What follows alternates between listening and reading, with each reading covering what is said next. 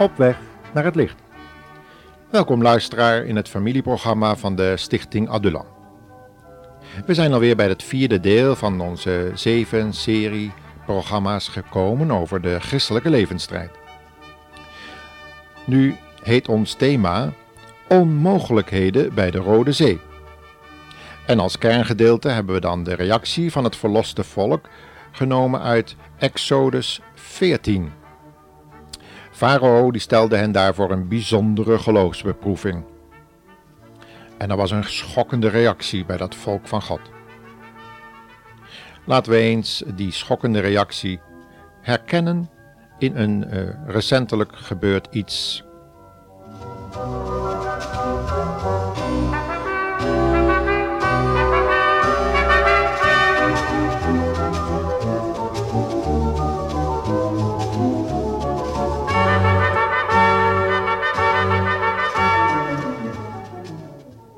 Ze was nog maar kort geleden tot geloof gekomen. Ze had een moeilijke jeugd gehad. Haar moeder hield het met een andere man en haar vader had haar op straat gezet. Tussen de schooluren door leidde ze een zwerversbestaan en moest het hebben van de gastvrijheid tussen haakjes die andere jonge mensen haar verleenden. Niet voor niets, natuurlijk. En omdat die gastvrijheid meestal door jonge mannen werd aangeboden, moest er vaak iets tegenovergesteld worden. Hierdoor was ze in grote moeilijkheden gekomen. Ze was nog zo jong, veertien jaar. Maar eigenlijk was er iets in haar leven gebeurd waardoor ze een andere gedachtegang had gekregen over de zin van het leven. Ze had een beslissing genomen voor de Heer Jezus doordat een vriendin van haar in de klas op de MAVO over de Heer Jezus had getuigd en dat hij kon verlossen uit de meest moeilijke depressieve omstandigheden.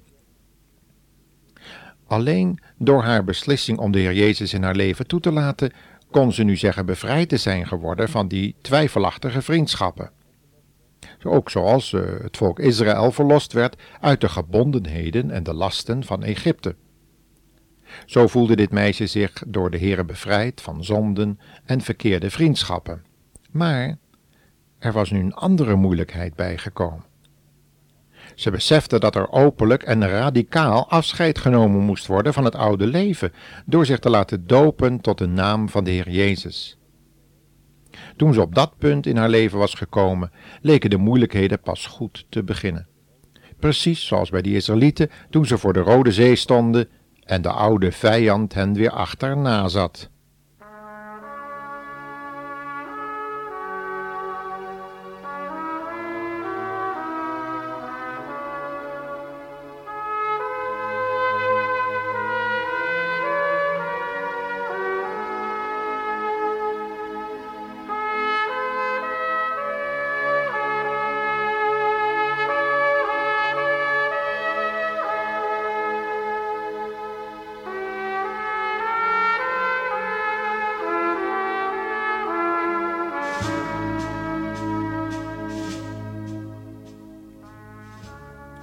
En door dit verhaal, wat werkelijk gebeurd is, zijn we aangekomen bij de vierde verzoeking die kinderen van God op hun levensweg kunnen overwinnen.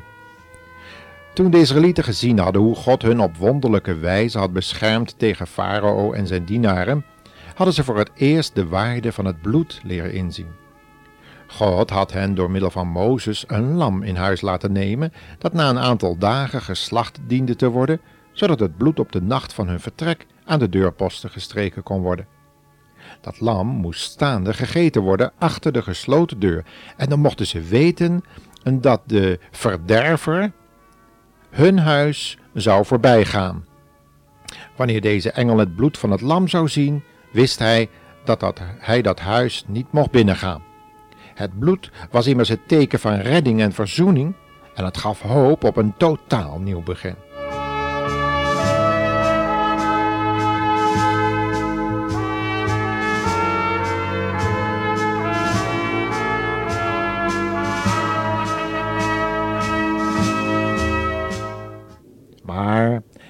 Was meer gebeurd. Mozes had Farao immers de reden gezegd waarom hij het volk van God moest laten trekken. Hij had Farao en zijn tovenaars en wijzen duidelijk gemaakt dat Gods volk geroepen was om in afzondering van de wereld hun God te aanbidden, te offeren en te dienen buiten de legerplaats. Luister maar eens wat Mozes tegen Farao werkelijk gezegd had. De God van de Hebreërs heeft met ons gesproken. We moeten drie dagreizen ver de woestijn intrekken en daar de Heere onze God offeren. En als we hem niet gehoorzamen, zal hij ons doden met ziekte of geweld.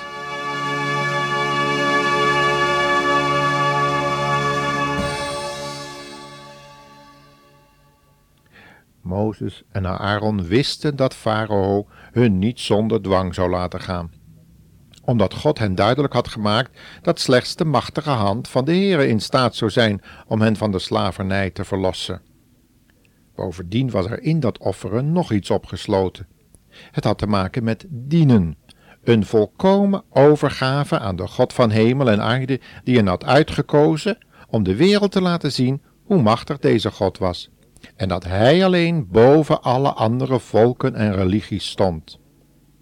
En precies zoals God zei had Farao gereageerd. Slechts de wonderen en tekenen en tenslotte het oordeel over alle eerstgeborenen van Egypte deed de farao en zijn wijzen besluiten het volk te laten gaan. Eerst had hij nog alleen de mannen willen loslaten, maar die hadden dat geweigerd. Toen had hij alle mensen willen laten gaan, maar zonder hun vee. Maar ook dat was geweigerd. Want waarmee hadden de Israëlieten dan hun God moeten vereren? En daartussendoor had hij ook nog eens geprobeerd om alleen de mannen te laten gaan en de kinderen achter te laten. Dat hebben we al overdacht, maar het is toch belangrijk om te zeggen dat God hele gezinnen wil behouden. Tja, zo zijn we weer teruggekomen bij onze jonge zuster in het geloof, die daar vlak voor haar doop stond en zo aangevallen werd door uiterlijke en innerlijke bestrijdingen, dat ze eigenlijk niet zoveel zin meer had om gehoorzaam te zijn. Wat is er eigenlijk gebeurd? Precies zoals bij dat volk Israël, toen de vijand besloot als het, uh, om het alsnog dat reeds verloste volk achterna te jagen en terug te brengen tot slavernij, zo was dat met dat jonge meisje ook gegaan. Angstige herinneringen uit het oude leven kwamen plotseling terug. Vrees begon opnieuw een rol te spelen en het oude wantrouwen en ongeloof van vroeger speelde weer op. Waar moesten al die boze krachten vanuit het oude leven zich anders op ontladen dan op degene die God gebruikt had voor de bevrijding? Laten we eens zien hoe dat bij de Israëlieten gebeurde toen ze de farao en zijn ruiters achter zich aan zagen komen, terwijl het water van de Rode Zee, een symbool van de doop tot de naam van de Heer Jezus, voor hen was.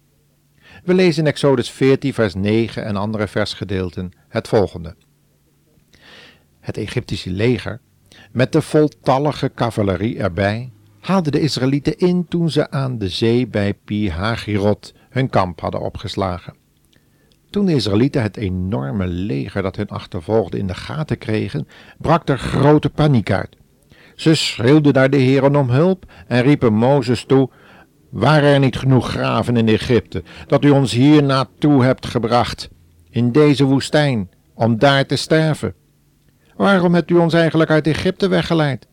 We hebben toen toch al gezegd, toen we nog slaven waren, laat ons met rust. We kunnen beter slaven zijn dan in de woestijn sterven. Maar Mozes kalmeerde het volk. Wees maar niet bang.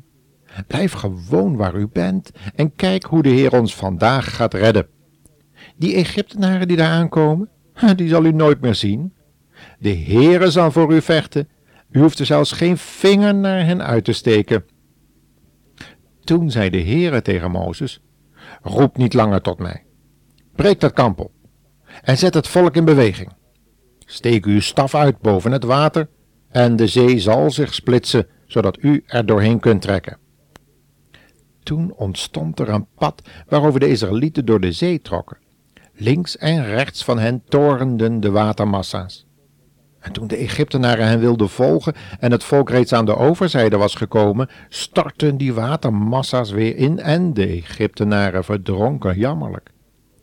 Toen pas besefte het volk wat een groot wonder er was gebeurd. En alle hadden diep ontzag voor de Heere en geloofden in hem en in zijn dienaar Mozes.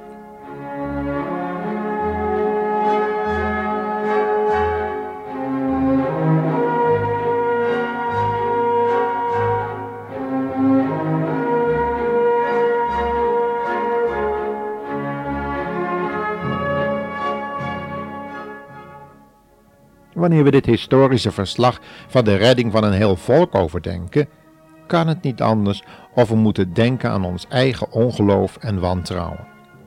Speelde dat immers niet regelmatig een geheime rol nadat we besloten hadden de Heer Jezus te volgen? Wanneer we lang in de zonde en de wereld hebben geleefd, zullen we de heiligende weg die God met zijn kinderen wil gaan niet direct begrijpen of waarderen. Vaak zullen we nog moeten leren om tot de Heere te roepen zoals die Israëlieten, die daarop wonderlijk werden uitgeholpen. In Psalm 50, vers 15 staat er dan ook niet voor niets geschreven: Roep mij aan in de dag van de benauwdheid, en ik zal u eruit helpen, en u zult mij eren. Want daar gaat het God om. Dat wij als gelovigen die gered zijn uit de slavernij van zonde, wereld en duivel, God en de Heer Jezus zullen aanbidden terwijl we nog op weg zijn naar die erfenis die in de hemel voor ons bewaard is.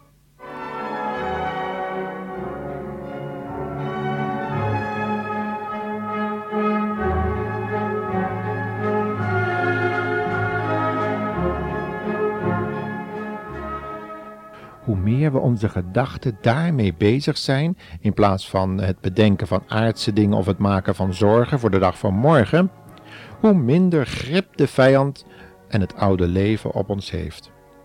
Satan zal tot het uiterste trachten ons tot ongeloof te brengen, wantrouwen en wanhoop in ons te bewerken. Maar door in geloof te blijven vertrouwen op Gods belofte, moet hij het verliezen. Weersta die Satan en hij zal van u vlieden, zei Jacobus al.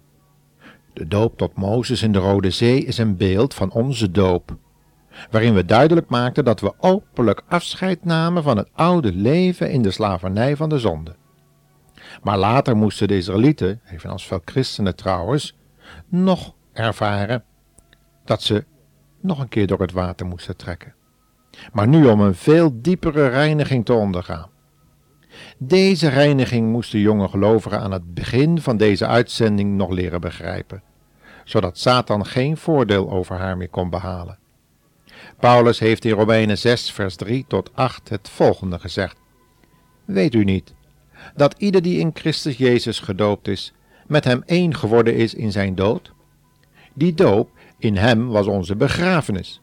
En zoals Christus weer levend gemaakt is door de heerlijke macht van de Vader, zo mogen wij nu ook een heel nieuw leven leiden.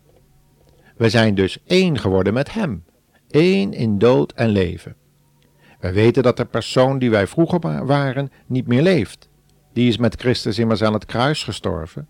Zo is er afgerekend met het wezenlijke van de zonde. De zonde heeft niets meer over ons te zeggen. Die zonde heeft geen macht meer over een dode. Als wij met Christus gestorven zijn, geloven wij ook dat wij met Hem zullen leven.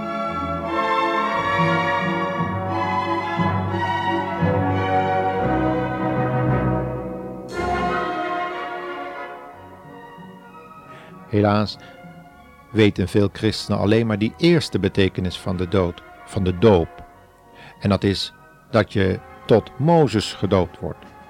Of zoals Johannes de Doper een doop van bekering predikt. Dat is één punt.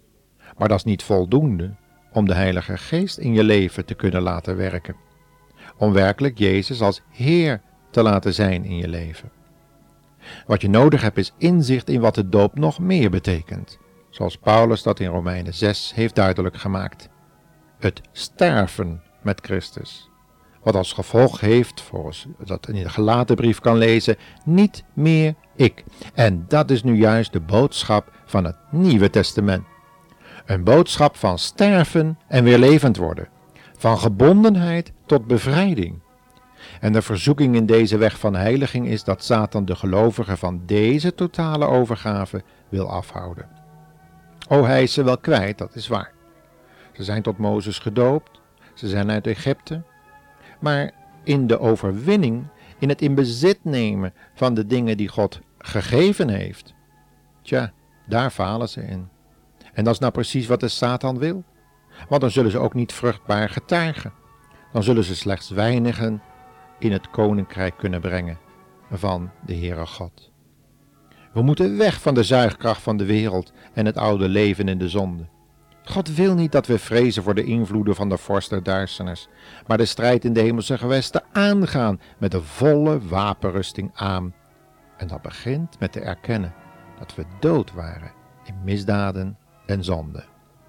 En dat er geen goed in ons is. Dat we ophouden met te vertrouwen op het vlees of op onze natuurlijke talenten. Maar laten we elkaar oproepen om alleen op de Heer Jezus te vertrouwen en Zijn woord te gehoorzamen. Dan zullen we de kracht van de Heilige Geest ervaren. Dan zullen we ervaren wat Mozes al moest zeggen van de Heere God. Blijf vertrouwen. Ik zal voor u strijden. U zult stil zijn.